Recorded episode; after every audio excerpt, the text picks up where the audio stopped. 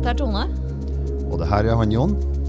og du hører på Runstrick-podden.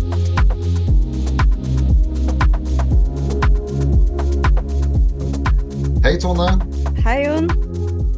Da var Hallo, vi tilbake hallo. igjen. Da var vi tilbake igjen til Runstreak-podden. Ja, hvordan går det i varmen? Du, varmen, ja. Det går, eh, det går så det suser. Det er herlig. Man må jo bare sette pris på det, selv om naturen tørster etter vann. Så er det jo fantastisk løpevær, eller syklevær, da, som det er for oss. Vi har jo blitt litt sånn syklister i det siste. Ikke så mye løping. Har litt alternativ eh, aktivitet, det er ikke så dumt. Det er ikke så dumt, det er det vi har starta med begge to. Men jeg tror vi hopper rett til eh, dagens eh, gjester i Runstreak-podden. Ja, vi har jo to gjester, og det, en del av det de driver med er ikke bare som foregår i varmen, så det, vær så god. Ja, vi har med oss eh, et par i dag, og det er Frode Lein og Liss Johansen. Velkommen. Takk skal du ha. Takk. Frode Lein, du, eh, du kaller deg, jeg vet ikke hva du kaller deg, men eh, jeg har iallfall notert at du er en eh, eventyrer. Og du er en løper og løpecoach. Ja, jeg vil jo eh, falle mest mulig under kategorien eventyrer, sånn sett. da. Men okay. Mm. eventyrer er jo eh, en produksjon av å løpe. Så ja. det er jo det jeg liker best. da. Du, ja, du har jo du har en veldig fin hjemmeside forresten som heter exploringthelimits.com, hvor man finner veldig mye morsom eh, informasjon, eller hva du driver på med. Eller en del av det du driver på med, i hvert fall. Det er ikke lite. Det er ikke lite. Du er jo kjent, i hvert fall det som, det som man mest tenker på når man hører om deg, er jo sånn skikkelig lange løp, etappeløp. Gjerne de, de som foregår 200-250 km pluss. Eh, I en sånn serie som heter Racing the Planet. Ja, eh, Racing the Planet er jo eh, Der har jeg løpt alle løpene. Eh, Mm. Der er jo flere arrangører, og eh, de eh, Du har jo eh, mer eller mindre eh, kjente arrangører. Eh, vi har Kanal Adventure, vi har eh, eh, Beyond the Ultimate. Eh, så jeg har deltatt i en del eh, eh, forskjellige arrangører eh, sine løp. eh, I tillegg til eh, sånn nonstop-løp som Iditarod, uh, Yukon Quest og det som vi løp nå sist. og sånn, For det er jo ikke noe mye etapper der nå. Ikke sant? Jeg noterer også at du har noen det jeg vil kalle vanlige løp. da, eh, Oslo Trail eh, Challenge, som er litt mer i, i vår bakgård her i Oslo i hvert fall. Ja, det stemmer det. at eh, Ja. ja. Og nestemann var 1 time og 57 minutter bak, husker jeg. Ok, ja. Imponerende. Det var, første, det var vel i 2020 kanskje, det første gang de arrangerte? Ja, Mm. ja, det var vel kanskje det. Um, Så springer du jo eh, med Nittedal Banket Racers. Ja, jeg, jeg, jeg, jeg, jeg trener jo eh, fast eh, med eh, en gruppe oppe i Nittedalen, gamle skiløpere som Ja. Geir Skari og den gjengen der nå, som den, som har lungekapasitet som eh, er få forunt. Og eh, ja, og den blir jo litt løping som oss eh, når det gjelder konkurranser og sånn. Fantastisk navn, da. Bankettløpere. Ja, det er jo Bente Skari som starta damegruppa da, som heter Hufserypene, og så er det Nittedal Bankettracer som er guttene. da.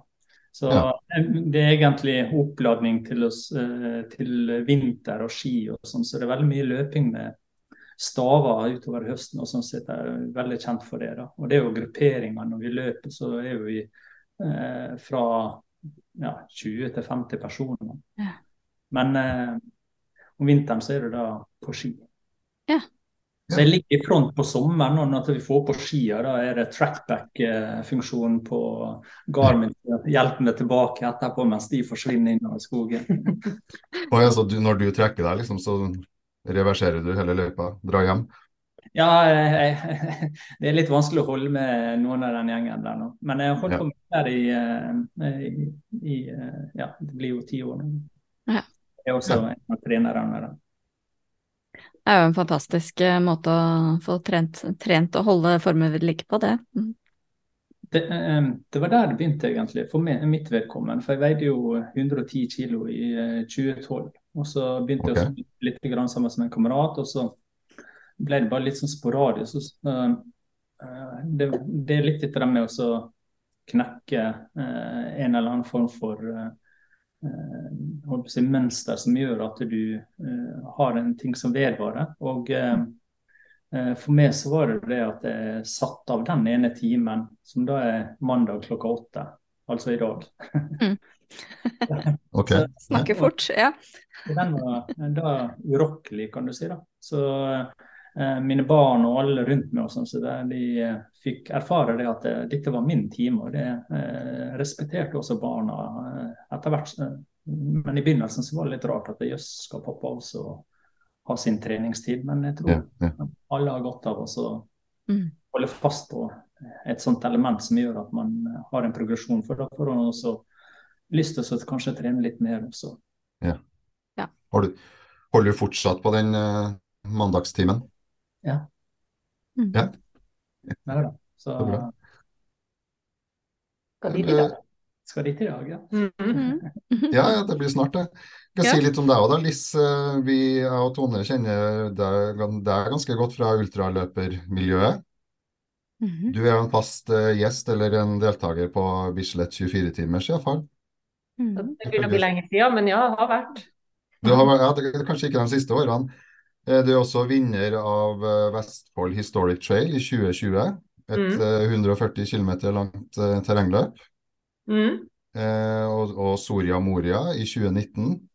Mm.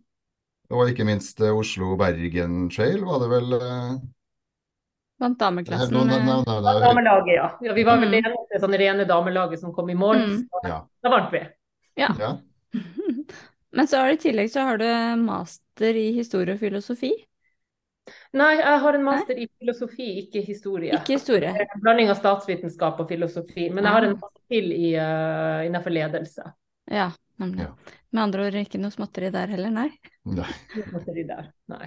Og så har du gått gjennom det, er det Forsvarets ledertrening det heter, dette kurset som er ganske hands on, bokstavelig talt. Ja, ja, eller eh, det er ikke så hands on, egentlig. Det er et uh, kurs i sikkerhetspolitikk, utenrikspolitikk og Mm. samfunnssikkerhet, uh, Mm. kurset. Som er for uh, ja, erfarne byråkrater, sivilsamfunn, eh, Mm. privat næringsliv og Forsvaret. Jeg har skjønt at det er ganske tøft å gjennomgå likevel. Dere er ute i felten nå, er dere ikke det? Faktisk? Ikke? Jo, ja, vi, vi er ute i felten, men vi gjør ikke så mye feltting. Nei, nei, men allikevel. Det er, det er en mulighet til å få informasjon fra de aller beste på en måte, foreleserne. Og alle ledere stiller jo opp fra de ulike virksomhetene i Norge og forteller ting, og stiller opp til å bli eh, stilt spørsmål til. Ja. Innenfor en um, lukka sone hvor informasjon ikke skal flyte ut. Nemlig. Nemlig. Ja. Utrolig spennende. Mm. Så det er ikke sånn det. Nei, Ikke stille. Vi skal ikke spørre om det, det går bra. det her er topphemmelig. Ja. Ja. Mm. Nei, men og dere er altså da samboere, eller eh, dere er iallfall et par? Vi, vi er et par. Ja. Ja. Men jeg si, eh, jeg, jeg har jo vunnet løp Mm. etter eh, Soria Moria. Jeg eh, vant jo kvinneklassen i Namibia. Ja, for det var nettopp det jeg skulle spørre om, fordi Så vant jeg kvinneklassen i Skottland på Highland Ultra. Da vant vi beste team. det er dødskult. Ja. Mhm. Og så kom vi jo på andreplass, delt andreplass på den eh, 66-33. Mm. Yes. Så, eh, så det har vært lite grann de siste årene også. Bukovina. Og Bukovina, men uh, da ble, fikk vi ikke lov å fullføre den siste delen pga. lynet. Ja, er det? Ah. Jeg tror vi kom på ja, andre kvinner i den delen som ble skåret av. Ja, nemlig. Ja. de totalt. Ja. Fordi dere gjorde jo Dere løper jo mye som team, men eh, det er kanskje også individuelle klasser. Da. Men jeg har i hvert fall notert dere fullførte The Namibia Crossing sammen Mm. i 2021. Mm, vi kom på Og ja, femte totalt. ja. Ja, det kan stemme. Mm. Så vant vi individuelt. Ja, i klassa. I, ja, jeg gikk inn òg. ja. Mm. Mm. Ja, OK. Ja. Det er ikke noen små prestasjoner der. Jeg, jeg, har jo, jeg har jo Det er faktisk imponerende sett Jeg, har jo jeg følger en, en YouTuber som også løp Namib eh, da dere løp. Eh, noe som gjør at jeg har fått fulgt med på deres løp Ja, gjennom, gjennom den ørkenen. det var han der Jeffrey. canadieren. Ja. Ja, Mm. eh, Jeff Pelletier. ja. Og det, fordi dere lå såpass høyt opp, da, så er dere veldig mye med i de filmene fra løypa. Så bare Å, der er Frode og Liss! Ja. Det er faktisk veldig gøy å se hele den dokumentaren, for at dere er veldig mye med i Kanskje uten at dere egentlig hadde så veldig lyst, men dere er noe med. Og det er liksom ikke noe problem å se at det er dere, og liksom, det var veldig gøy. Vi var vel en, sånn, eh, eh, en liten klan på seks personer som løp eh, mye raskere enn veldig mange. For dette er jo løp som eh, har store gap mellom eh, holdt på å si, kap løpskapasitet. Så Mm. neste dame var vel på var vel ti timer bak, eller hva? ja, om det var seks eller åtte eller ti timer Ja. bak.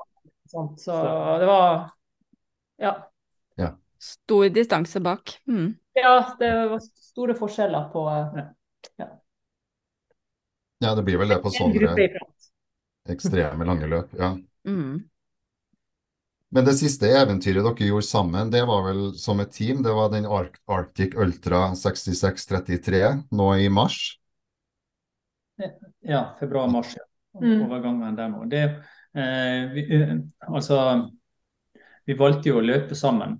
Eh, og det eh, var jo litt sånn skrekkblanda fryd fra Sin side. Eh, det å eh, i det hele tatt være der. Ja. For, for hun er jo ikke noe glad i vinter. og eh, Erfaringer med på å si, ekspedisjon og telt, det kommer fra Roskilde, sa hun. Ja. Jeg ja. er veldig god telte på Roskilde. Det er litt andre forhold over Yukon, liksom.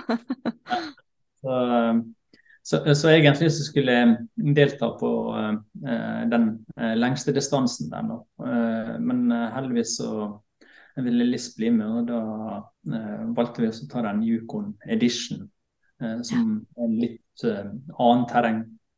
Så okay. eh, ja, eh, så det ble det, da. Men vi Ja, løper fordi som et team, men vi løper som et team. Så det er jo Mm. individuell påmelding. Oh, ja. Ja. Mm. Ok, så hvordan ble plasseringa for henholdsvis eh, dere to da? Nei, vi eh, Kom på delt andre. Ja. Det er sterkt, altså. For de som ikke kjenner løpet, så er det jo et, da, et vinterløp i eh, 30-40 minusgrader, hvor man har med Mm. eget telt, og hvor dere løper med en pulk eh, bak, bak dere. Mm. Ja. det har med alt av mat, og det var ingen steder å gå inn og få varma seg. Ja. Nei. Så, så er det nonstop? Ja, non-stop. Det betyr at vi stopper jo, men vi må jo sjøl bestemme når vi skal stoppe. Nemlig. Ja. Og ikke noe support eller um, proviant underveis. Nei. Du Ja. må bære med alt i pulken. så det er re ren ekspedisjon, rett og slett. Ja, det blir jo, eh, blir jo, eh, blir jo en litt annen type utfordring enn hva man uh, har i uh, varmegrader. Da. For du, Mm. Du er så eh, avhengig av at ting fungerer. Mm. Eh, og fungerer ikke det, så eh, går det ille. Eh, og da er det litt dette med å se på kvalitet og på drille på de tingene man skal gjøre. og Mm. på det man holder på med. Så jeg tar med meg litt av jobben min inn i, inn i disse her turene. For det, jeg jobber med risikohåndtering. og Ja. Da blir det fort å sette det ned og se på de forskjellige detaljene, og så plukker man det fra hverandre. og så eh, Se på hva skjer om at det dersom at det osv. Sånn sitter den. For jeg har vært borti en del eh, hendelser. da. Så, Ja.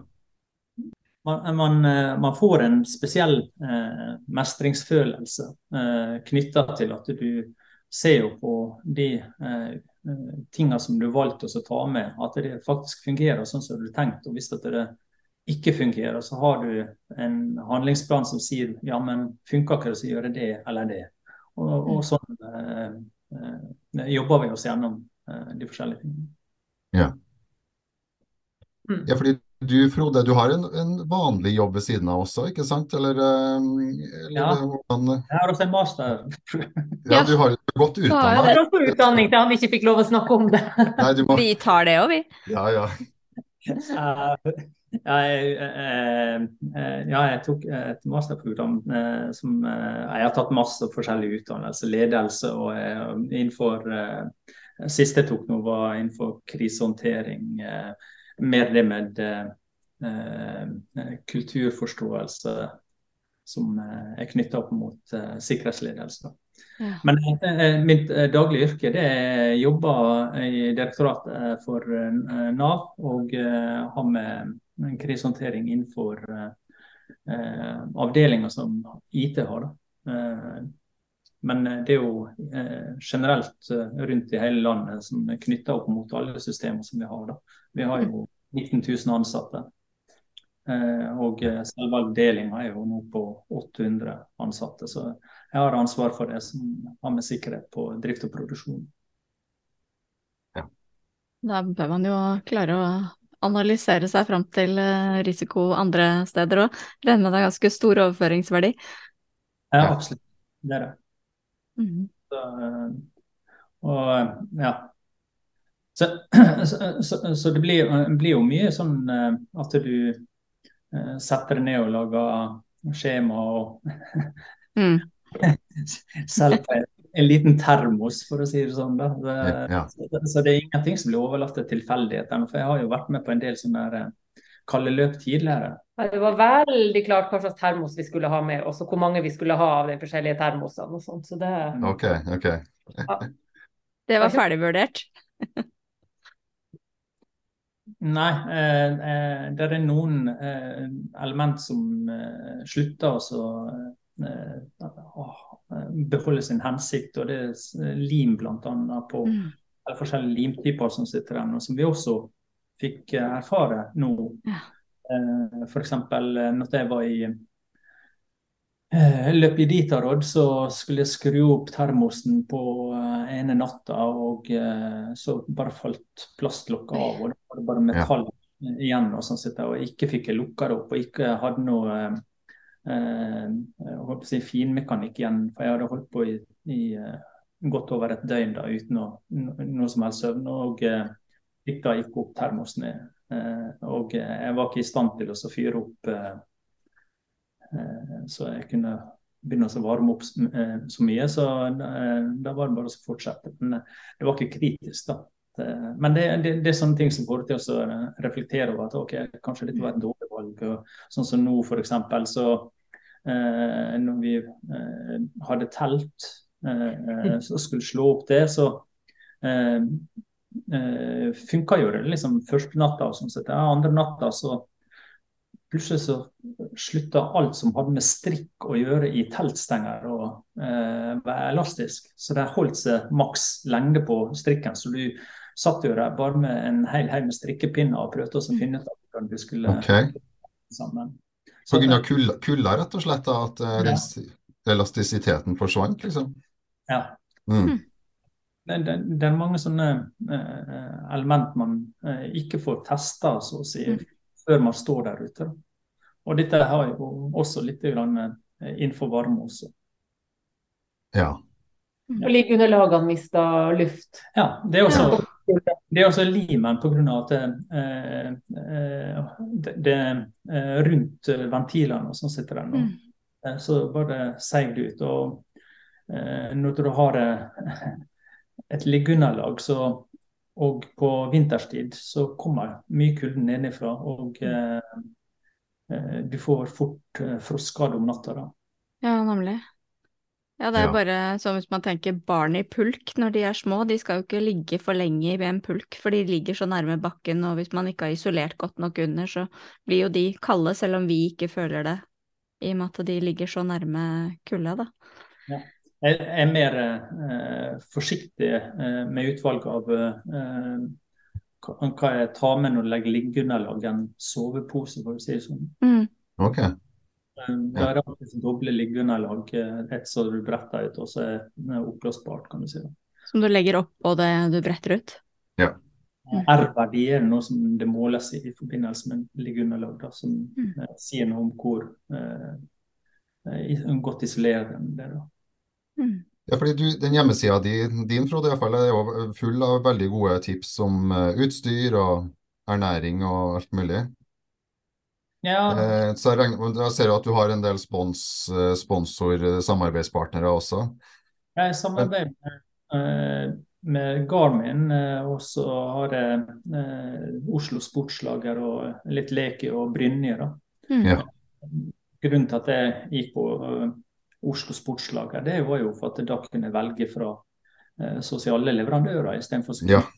et merke. Og grunnen at jeg havna på merke med de andre, det er jo av at jeg ut ifra preferanser og Mm. ting jeg har gjort tidligere, har gjort at jeg har funnet ut at dette er noe av det beste som jeg kan ha. Og dette er kvalitet som eh, gjør at jeg kan gjenbruke og eh, ikke Mm. bare bruke og kaste, kan du si. da. Eh, Ja. så det syns jeg er litt hyggelig, da. Når man på en måte løper sånn som dere gjør, så, så må man, er man jo avhengig av at jeg håper alt utstyret tåler de elementene dere utsetter utstyret for. Ja, og så er det litt det med eh, å eh, å ha eh, riktig utstyr til de eh, riktige elementene også. For det er stor forskjell med at jeg har f.eks. løpt i jungel, og eh, det er også løpe i kulde eller løpe i Mm. høyde osv. For eh, har du høy luftfuktighet, så kollapser eh, for det første eh, soveposen med dun. da. Mm. Eh, Mm. får en viss Ja. der nå.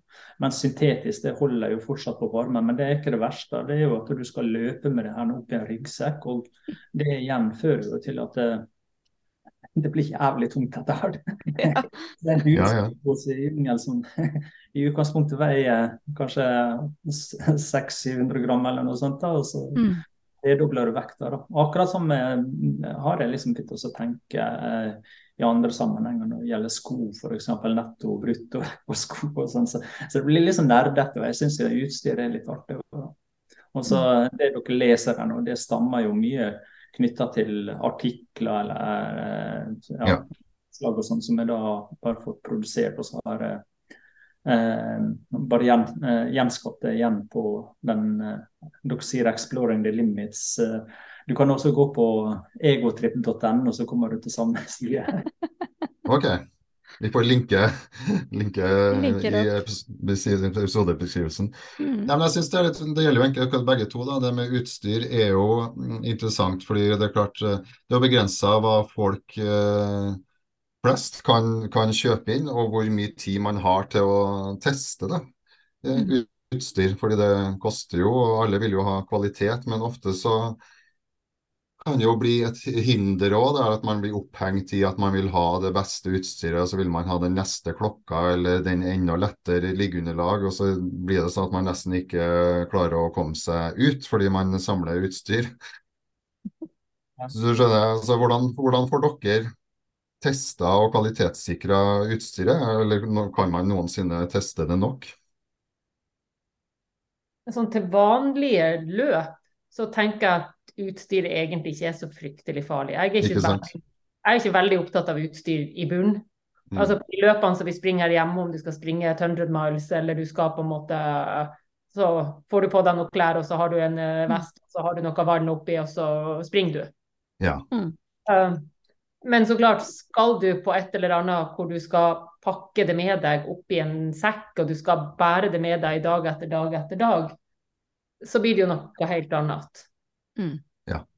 Det blir jo litt sånn eh, gramjeger i første omgang, da, for at du skal ha det så lett som mulig. Men så, eh, når du har løpt noen sånne løp, så blir det også det at eh, hmm, ja, det var lettest, men eh, det gir ikke en så god følelse eh, i løpssammenheng Og, å Ja.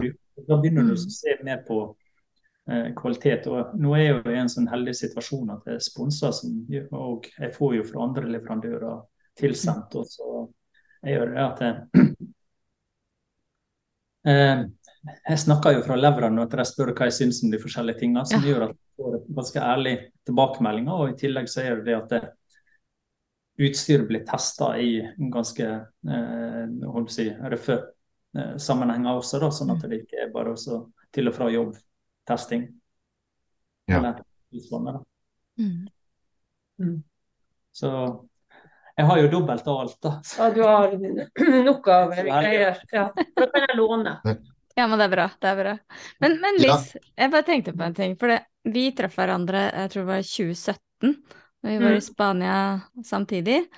Og, og da husker jeg da var du litt sånn nølen til om du skulle løpe i, hvilke grupper du skulle løpe i, om du skulle løpe lengre og, og alle, jeg tror de fleste var litt sånn jo, men det går fint. Det er bare å du, du, du er sterk nok, og du er rask nok.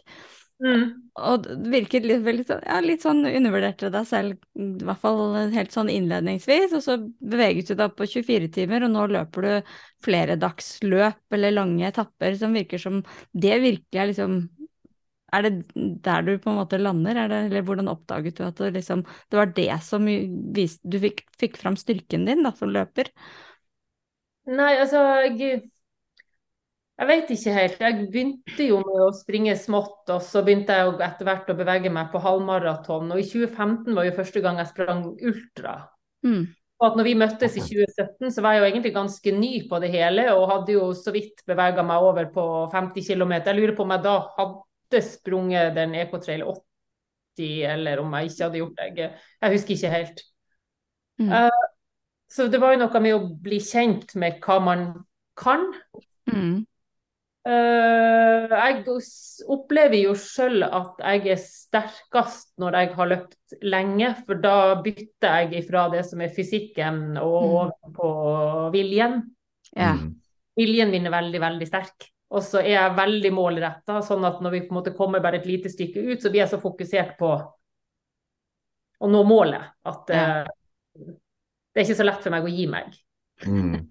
Det er en bra egenskap når man eh, løper ordentlig langt, ja. Ja, så nei, jeg eh, ja, Du har nok rett i det. Jeg var veldig usikker en stund. Jeg opplevde jo at jeg kom inn blant masse folk som sprang veldig mye, og alle sprang så langt og var så flinke og Mm. kunne veldig mye om løping. Og sjøl så hadde jeg jo ikke så veldig peiling. Nei. Nei, nei, man må jo lære. Man må det. Når, når var det du fant den styrken, eh, at du hadde en, eh, en veldig sterk vilje, da, psykisk eh, styrke, når på en måte det fysiske avtar? Jeg tenker vel at når jeg begynte å løpe først 80 km, så merka jeg jo at det var etter 50, altså når jeg var kommet et godt stykke, at jeg syntes det begynte å gå bedre. Mm. Litt sånn der halvveis bra til å begynne med. Mm. Eh, Og når jeg da økte i uh, lengde på løpene, sånn at jeg skulle løpe Bislett 24 første gang, eh, så Mm. sa han at ja, det er jo første gang du skal springe det, så du bør ikke ha så veldig høye ambisjoner. Så Mm. snakka man om at ok, da setter vi en ambisjon på rundt 160, kanskje jeg skal klare det. Det er liksom skikkelig kult. Mm. Eh, og så sprang jeg, og så kom jeg jo egentlig jeg si, relativt fort og greit til 160. Mm. Eh, Men da begynte jeg å bli veldig sliten, så det var mye gåing etter det. Men jeg nådde jo en 190 og noe Mm. den første gangen. Og da hadde jeg jo egentlig bare nådd målet mitt, og så hadde jeg nådd et nytt mål jeg satte meg, og så var jeg egentlig ganske ferdig, fordi at jeg var langt over eh, hva jeg vurderte at jeg sjøl kunne gjøre. Ja, ikke sant. Og det å bare sette et nytt mål midt ute i et løp sånn etter noen timer, det, det, så, det Ja. bare finne på det, liksom. Ja, ikke sant. Sånn at eh, av en eller annen grunn så funker det ganske greit på de lange løpene. Mm. Jeg er ikke kjemperask på de korte. Nei. Nei. Men du holder et jevnt høyt tempo sannsynligvis over tid, da, i og med at du, dere lander på førsteplasser og andreplasser og, og sånt noe. Ja, eh, fort nok. Når løpet blir langt nok, så blir det fort nok over tid. Ikke sant? Ja, på ja, korte ja, ja. løp er det ikke fort nok over tid. Nei, nei, nei. Det er det som er liksom inngangsbilletten når man skjønner at man kan holde ut eh, over lang tid, og ikke Ja. bare være den kjappeste på maraton. Mm. Ja, ikke sant. For det, det er ikke sjans. Nei. Men også det med å finne, husker jeg, også det å, det å løpe, løpe gjennom en soloppgang, da, eller soloppgang nummer to. Liksom, og, og det å komme seg og få en opptur etter å ha vært så langt nede, det er jo det som, eh, det er det som ofte er nøkkelen at man skjønner at det her kan man klare. Det er jo det som gir et sånn skikkelig kick. Mm. Mm. Klare å komme seg opp av disse her bunnene og så liksom opp på Mm. toppen igjen. Og så kunne holde egentlig en ganske fint flow ganske lenge, før du på en måte går litt ned og så klarer å hente seg opp igjen. Det, Ja. Mm. ja, det er gøy. Men, Ja, men Du løp altså da dette uh, Arctic i Yukon, og du liker ikke kulde, og det er minus 40, og du ble aldri varm. Hvordan gikk dette her egentlig? Altså sånn, Én ting var resultatet, men hvordan ble du varm til slutt? Man er jo varm når man beveger seg. Eh, så sånn sett så er det veldig greit å være i bevegelse. Og det var jo forskjellen på oss, er jo at jeg fryser mye lettere enn Frode. Mm. Så han kunne jo ville stoppe og skulle ordne med et eller annet, men jeg klarte ikke å stoppe opp. For idet jeg stoppa, så gikk det kjempekort tid, og så mm. begynte jeg å fryse. Ja. Så heller det å bevege sakte, men i på en måte jevn tempo, eh, var liksom min greie. Mm. Mm. Nå fryser ikke jeg. Jeg blir kald, og så blir jeg blå.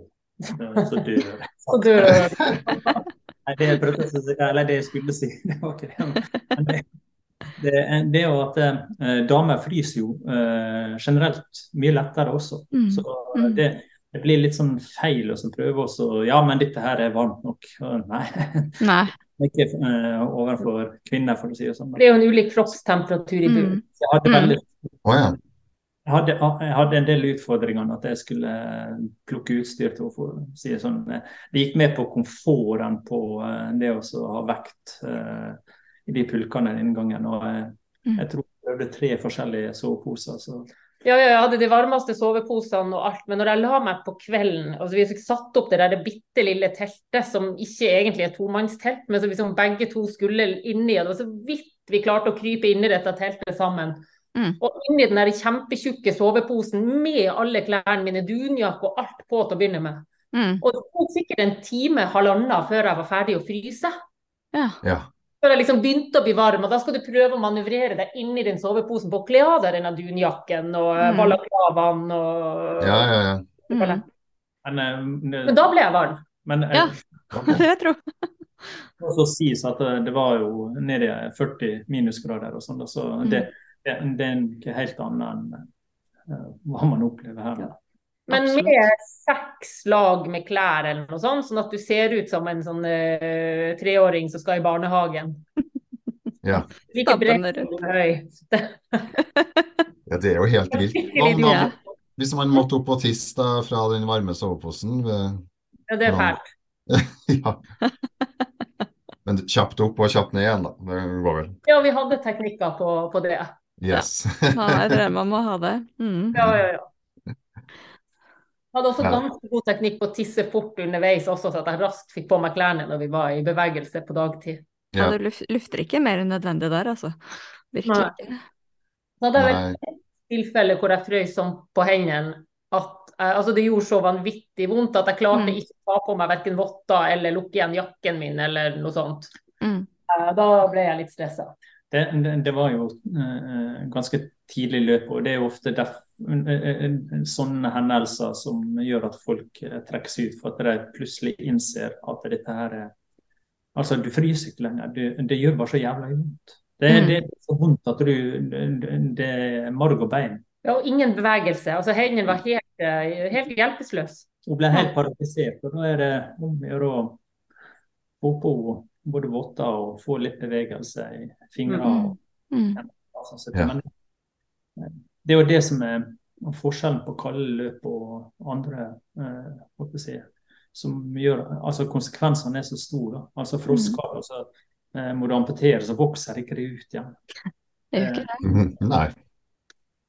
Og så er det veldig mange som trener eh, som jeg har eh, vært borte. Jeg, har vært mer bekymra for andre enn for meg sjøl. Fordi at eh, når du kommer fra Italia og har eh, trent på kulde ved å være i fryserom, liksom, hvor du kan gå Oi. ut. Og, og dette er ikke uvanlig. Folk som holder på oppe i Alpene, spesialsoldater og sånn som mm.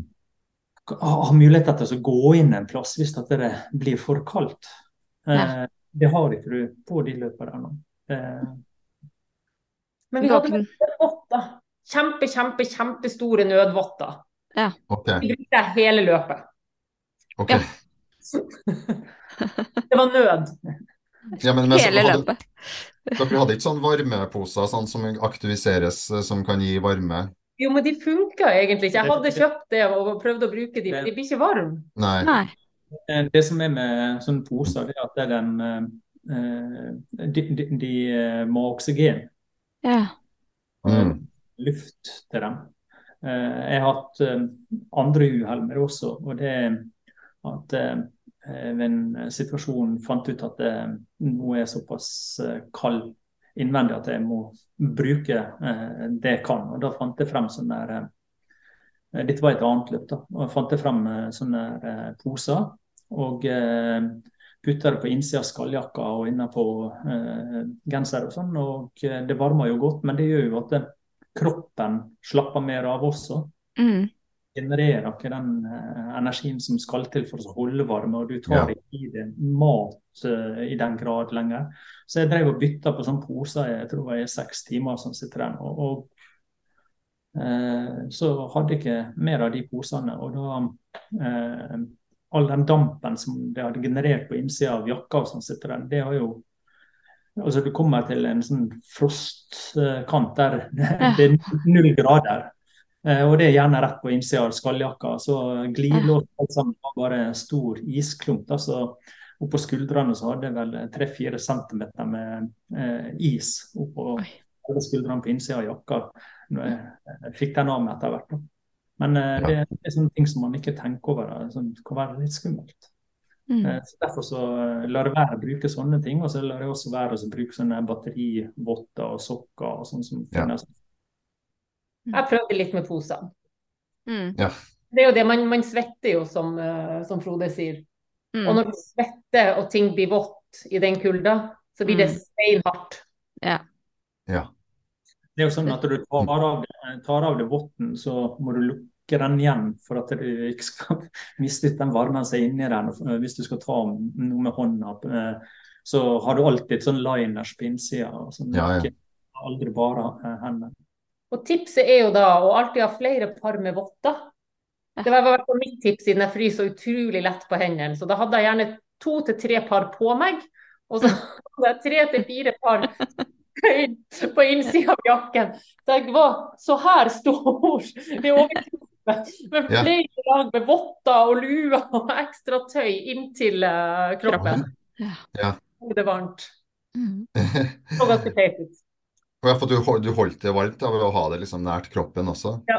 ja. Det isolerer jo litt ekstra også. Det... Ja. Mm. Mm. Men, men, ernæring i en sånn type kulde Kulde koster jo kroppen enormt sånn energimessig også. Og hvis du da i tillegg går og kjenner på at du har smerter, um, og så skal dere spise Og får i dere nok næring til å fortsette. Ja. Hvordan tenker man da, og hvor mye, og ja. Vi hadde vel en matplan? Ja, og så eh, det, er jo, eh, det er jo bare å se bort fra alt som har med gel og den type ja. Så du ja. må, må, jo eh, prøve å finne ting som har mye energi. Da. Og eh, det er jo nøtter og litt sånn frukt og sjokolade. Og da må du også velge sjokolade med omhu, for jeg har sittet og spist sammen med andre igjen som har sittet og prata med meg, og så plutselig så har ikke de fortenner lenger pga. at jeg knekte av oh, sånn Nonstop-sjokolade. Eller M&M er det vel. Som kan... Det kan også varmes på innsida av jakken. Ja, ja, ja. Maten du skal ha, og så legger du den på innsida sammen med de fire parene med votter og noe lue og forskjellig, og så eh, blir det passe temperatur etter hvert. Så det er viktig å ha ekstra, ekstra altså mye større ytterjakke enn det du tenker du trenger, fordi du skal lagre alt på innsiden. Så egentlig du trengte ikke du pulken, du. ja, ja. Nei, men Drikkevannet deres måtte vel også oppbevares inntil kroppen? da, det dere skulle... Nei, ja. det er der det, disse her eh, termosene som jeg har testa ut i det vide og breie.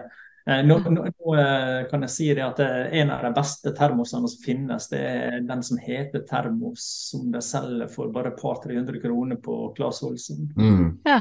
Det som er det at du eh, Den er jo av metall, da. Men den eh, pakker du da inn med ducktape eller annen teip som du kan bruke til andre ting igjen. og Da slipper du å ta med en teiprull også, for å si det sånn. Ja. Men i hvert fall eh, eh, Når du eh, Det var jo det ene vi fikk på dette løpet. En gang i døgnet ja. fikk vi varmtvann. Eller på det ene etappen eller perioden så gikk det vel to døgn mellom vi fikk vann. Men, Men det okay. som det som er med vann, hvis du skal ha det til å vare lenge, det er jo at du eh, eh, bruker snø.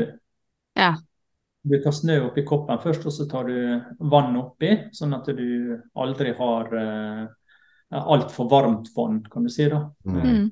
I litt sånn lunka sånn sitter der. Hvis at du trenger å utvide holdt på å si, en termos, så blir jo det som å ha med seg tre termoser. Dette er ikke alle sammen Det er jo en enkel uh, greie, da, men det er ikke alle sammen Mm. som tar hensyn til det.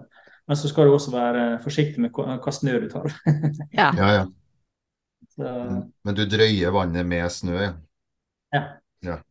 Vi eh, hadde jo også med eh, gjerne eh, nudler. Det har jo vi også i andre løp også, da, som vi eh, drikker underveis. Men som er god ernæring å ha i en sånn der eh, Nalgenflaske f.eks. Ja. Som du har inn på kroppen. Ja, den er også inn på kroppen. Ja, Det Vi både med varmeflaske og oppbevare litt drikke. ok.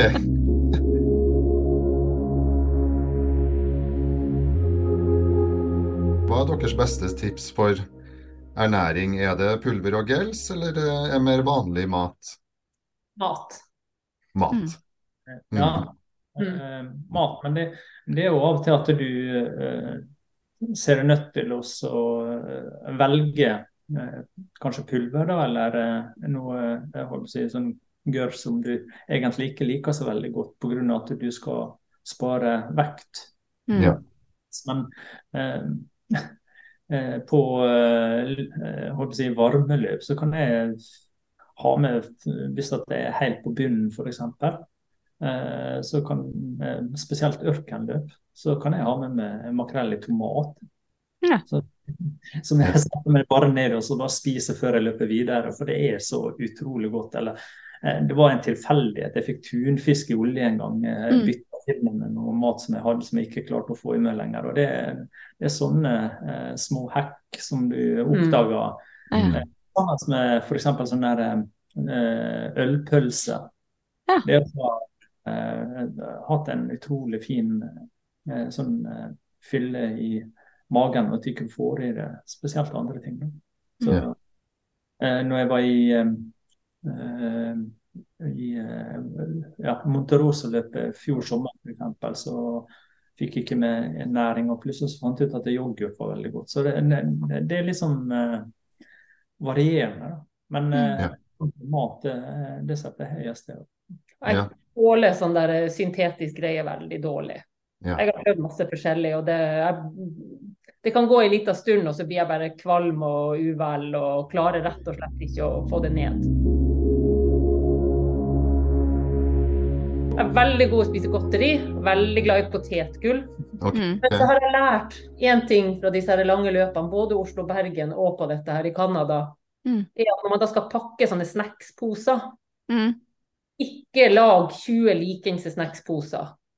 På, på de to siste dagene så er du så lei av den blandinga du har laga at det er Ja, at du bruker tid på å bare plukke ut de bitene du vil ha, kanskje? Ja, Ja. så isteden kunne ha én dag med på en måte en blanding, og så kunne du ha Ja. den andre blandingen en annen dag. Det skal jeg gjøre neste gang. Mm. Altså, det eh, blir neste gang, altså. Nei, det, det sa jeg ikke. Vi har diskutert det, og jeg er veldig eh, Ja, jeg er dere, usikker på den. dere er ikke påmeldt nå i sommer, det, det er jo nå i juli, det. Jeg kan ikke løpe. Nei. Men eh, eh, det, det som eh, eh, gjør veldig susen, at man f.eks. etappeløp og ferdig med ei etappe, eller f.eks. også når du er ute og løper og kommer til droppegg og skal løpe videre på lang, eh, holdt på å si, sånn eh, en jazzløp og sånn sitter der nå. Eh, det å ha en algenflaske eller en mattermos med nudler. Ja. Det det er salt, og det, eh, Mm. det, det er godt å få i seg noe som eh, smaker så eh, kvast, kan du si. da. Så Mm. det, Ja. det er min erfaring. Ja, nudler er godt. Og så er det jo rimelig også, sånn tatt i betraktning hva det koster mye av dette. eh, Andre. Mm. Mm. Ja. Så er det lett, så, eh, før du blander ut med vann. selvfølgelig. Ja, ikke sant. Ja, det er mange gode jeg noterer tips. Altså nudler, forskjellige snacksposer og ta teip rundt termosen, som du også har som nødteip. Gaffateip. Mm. Ja, Ja. Hvis du har metall på, eh, mot fingrene, hvis du søler litt, grann, da, så er den tommel fast i termosen. skjønner jeg. Ja, det er litt kjedelig. Ja, det var det ja. hvis det er noe utstyr som dere alltid har med i sekken, enten det da er en ganske kort tur eller en lang ekspedisjon, hva er det? Han har ting han alltid har med. Jeg er liksom uh, det her, ja. ja. ja. du har ikke noe fast, nei, men nå kommer OK.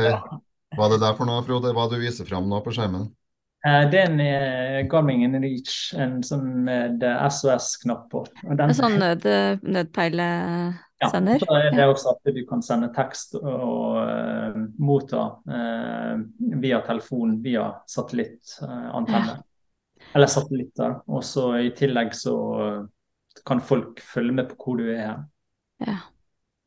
Så ja.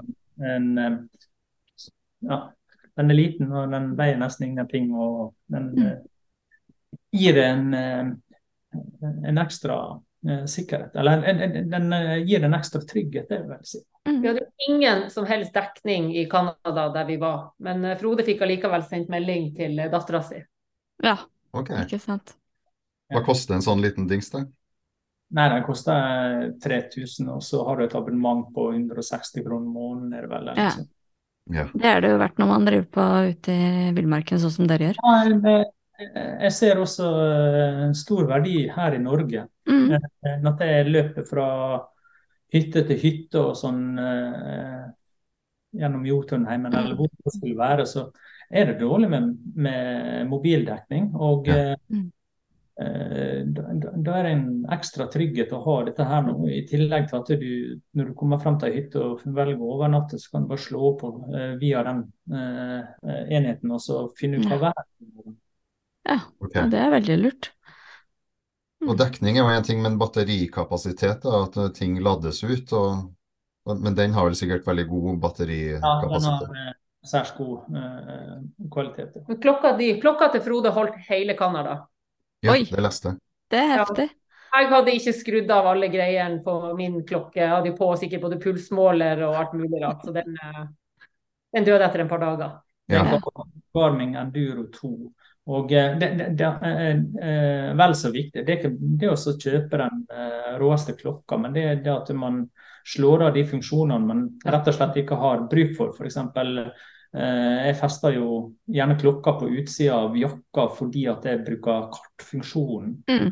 Navigasjonsfunksjonen. Eh, slipper å ta frem eh, andre GPS-enheter å se på. Ja. Eh, du trenger ikke pulsmåler på utsida jakka. Det, Nei. det sier seg selv. Derfor er det unødvendige elementer. Eh, ja. Og da, eh, når man lærer seg å fintune eh, ting, så eh, varer det mye lenger. Og, og eh, jeg tror det var eh, ja, 19 timer igjen, eller hva Ja, det var, eh, var i hvert fall noe igjen på, igjen på klokken at vi var ferdig.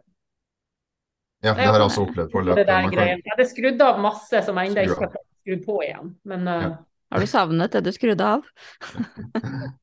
jeg husker jo ikke at det var der. Nei, ikke sant. Det er litt det. Det er så mye funksjoner. Men uh, du løper ikke noe List? Er du skadet, eller har du bare mistet lysten, eller? Nei, nei, nei. nei. Lysten er jo der, men uh, jeg har jo ikke løpt siden februar. Så det begynner jo å bli uh, ganske Jeg har mm. begynt så vidt med et minutt her og der. Jeg går og kan ha noen små intervaller uh, på 15% stigning på mølla, for da er det så mykt ja. når man løper at det ikke er løping. Ja. Mm. tenker jeg. Så, eh, men ellers uh, ingenting. Nei. Ja, nei, jeg har hva det heter, hva man kan si. Men jeg frynsa opp sener i foten på nedover leggen og på oversida. Ja.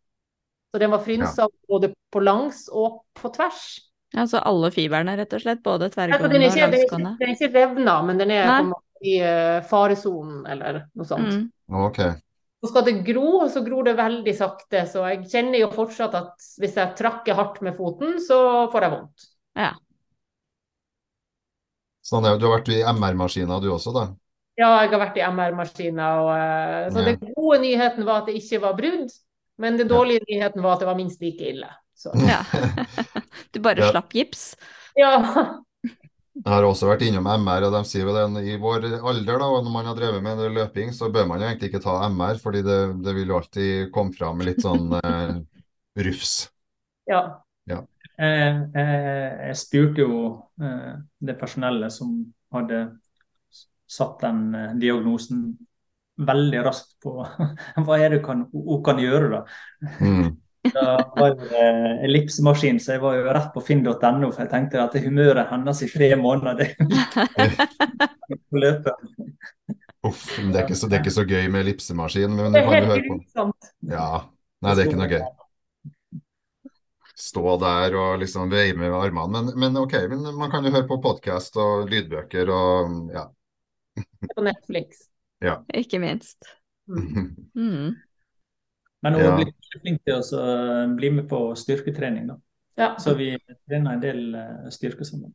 Mm. Det bra. Ja, for det lurte jeg veldig på. Hva gjør dere til hverdags? Altså, Sondre, eh, langturer er jo én ting, men eh, løper dere mye ellers? eh, Nå har du svart på det, Listen, hun løper ikke noen ting. Men, eh, men trener dere annen styrke, eller er det bare mer sånn hverdagen, og så er det løp, ekspedisjon?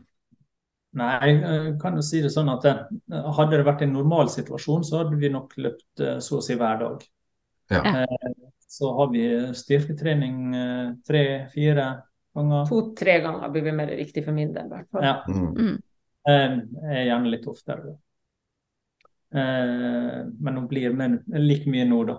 Ja, ja, ja, nå er det jo Nå er bare hun lett å få med. Ja, ikke sant? Ja, for nå er det tid. ja. Og så mm. på vinterstid, for eh, synes jo det at det, det til enhver tid skal være lystbetont, så da blir det litt eh, å gå langrennsski eh, eller fjellski. eh, og eh, eh, Jeg har jo sånn mer ekspedisjonskurs på viddene og sånn. Mm. Eh, så, så sånn sett så blir det en del ski. Og eh, i tillegg så eh, jeg bor ikke så langt unna Harestua, og det er jo mange andre plasser også. De har en veldig fin is eh, som er veldig gøy også å gå på Mm. sånne mm. eh, skøyter som du fester på vanlige skisko. Ja, sånne lang, lang, langløpsskøyter. Det er OK. Det er morsomt. ja, Mm. Liss Ja. syns det er morsomt, for det går jo kilometer etter kilometer. Det går jo så fort. Mm. Så bruker vi staver i tillegg, da. Ja, Så- ja, ja. Vi har jo to huskyer òg, da. Så det blir jo litt uh, ut med dem og på ski også. Mm. Siden av det så jeg driver eh, Eller jeg har, blitt litt lite med det nå, da, men kitesurfing og sånn. Ja. Så, både på ski og sjø. Det høres ut som litt sånn variasjon, da, og det er jo bra, ikke sant? At det ikke blir for ensformig. Jeg er mer sånn transportløper. Mye til og fra jobb på asfalten. Ja. Ja. Sikkert eh, derav eh, den fine skaden. Ja, Tramper mye på asfalt. Ja, ikke sant. ja, jeg kan kjenne meg igjen litt i det også. Mm. Det, Det er så man, i hverdagen. Det er jo det. Det er kjempelett å liksom bare komme seg og ta, bruke distansen til jobb, liksom. Ja. Og man skal jo, det tar jo tid å reise uansett, og så får Ja. du på en måte tatt inn treninga i løpet av en periode som uansett ville ha brukt uh, Mm. ganske godt med tid på T-bane og sånn til. Mm. ja, ja, ja. Jeg får ikke er like fort når du løper som det går også på T-banen. Ja, men det er ikke langt unna. Jeg tror jeg bruker 45 minutter eller noe sånt når jeg eh, tar T-banen. altså fra dør til dør. Mm. Det er jo ca. en time når jeg skal springe. Ja. Det er må jeg jo dusje og sånt når jeg kommer på jobb, men da sparer jeg jo den dusjinga på morgenen her. Ikke sant? Ja, ja, ja. Og det er så godt eh, man slipper å tenke på et, et sykkelkjede som ryker, eller T-bane som er forsinka, og tog som er kansellert. Du bare vet, med mindre det blir et stort høl i asfalten, at du kommer deg fram på jobb, liksom. Åh, jeg savner den transportløpinga mi. Ja, enig. Jeg er også litt ute med skade. Mm. Ja. Man går jo litt i en egen boble, så det er jo litt den lille Mm. friheten for, for seg sjøl. Mm. Ja. Det er jo en helt annen tilstedeværelse når man er liksom ute og løper og, og har den der eh, tiden før, før alle kravene setter inn, liksom. Får det lille, lille tiden som ja, Ja. hvor det bare er plass til en selv og ikke så veldig mye annet. Mm. Det er meditasjon. Man får liksom prosessert og gjort seg ferdig med ting. Og det samme hvis man har en tung dag på jobb og Mm. da løper hjem. Mm. har jeg på en måte gjort meg ferdig med alt det, sånn at når jeg kommer Yes. ut døra hjemme, så, så er det på en måte ikke noe problem lenger. Mm. Mm. Og det er da forskjellen hvis man tar T-banen, hvor man kan eh, få nye ting å legge oppå det man tar med seg hjem. Eh, Hvis det ja, er stress eller barn som hyler, eller det er liksom an andres liv kommer veldig tett på deg når man tar en Oh, T-bane. yes. Mm. Det er alltid en dårlig bilsjåfør også, som tuter på det. Ja, ja, ja. Det kan det være. Det også. Ja. Men det er liksom, Ja. de er lettere å feie, feie unna liksom, når man løper. Eh. Hvis man blir stående i en bilkø også, så er det jo også litt det der Tar du med deg litt sånn andres aggresjon? Mm. Altså For min del er jo det som er hele meninga med å springe. Ja. Mm. Det ene er jo den der prosesseringa, den daglige, men det er mer en sånn her eh, hverdagscoping. Ja. Målet med at man har den her hverdagsløpinga, er jo egentlig de turene hvor du kommer deg ut. Mm. Og det trenger ikke være så fryktelig langt. Så det kan jo være når vi var på skitur på nyttårsaften uh, alene på kvelden og sånt. På natta. På natta, ja. Ja. Og på en måte er ute der, og det er ingen andre, og vi kan på en måte stoppe opp og se på stjernene, eller når vi Mm. springer på fjellet i Harstad. Og det er midnattssol, og det er fint vær. Det er bestandig fint vær i Nord-Norge på sommeren. Ja, det ser sånn ut. Ja. Eller nordlyset. Det fantastiske nordlyset i Canada. Mm. Det var Ja. gigantisk. Så Men- litt sånn Ja, jeg vet ikke, det gir deg en sånn der eh, nesten religiøs eh, Få en sånn Ja. Jeg, jeg synes at vi her i Norge er utrolig heldige som har eh, de eh, jeg holdt på å si, sesongene som vi har å velge mellom. Eh, for eh, ja, det Jeg har løpt alle de ørkenene som er å løpe nå. Eh, og, eh, og opp i Himalaya og, og overalt. Men å komme tilbake hit nå, så er det litt sånn altså eh, kakke folk liksom på døra og så spørre hvorfor er dere ute, er dere klar over hvilken natur vi har egentlig. Liksom. Når jeg har vært ute på et eller annet stort internasjonalt løp langt, langt borte, og sånn sitter den og det er ingenting som er deiligere enn å ta seg en løpetur i norsk natur. Mm. Jeg setter så umåtelig pris på den norske naturen. Det er så fint her. Mm. Eh, Og så er det noe med å være ute og oppleve det alene, eventuelt i tosomhet. Det er noe Ja. helt annet enn når man er i en gruppe i naturen. Ja. blir man så opptatt av hverandre at man glemmer å på en måte ta inn over seg det, det store rundt deg. Mm. Det er jo ikke så mange som bare beveger seg et stykke innover i marka, eller eh, noe sånt, så er det ikke så fryktelig mange man treffer på. Nei, Det man er veldig fort alene. Ja, det er følelsen av at man kan ha den her naturen nesten for seg sjøl. En frihetsfølelse. Mm. det er jo litt sånn at vi tar veldig mye for gitt. Og det, Mm. Ja. så det er litt dette med å gripe dagen, da. Mm. Ta seg tid til å gripe dagen. Ja. Planlegge tid til å gripe dagen. Ja. Planlegge tid til å gripe. Nei, men, eh, tusen takk eh, begge to for at dere eh, stilte opp på Runstreak-podden. Hyggelig. Ja. Snakke med deg. Ha det bra.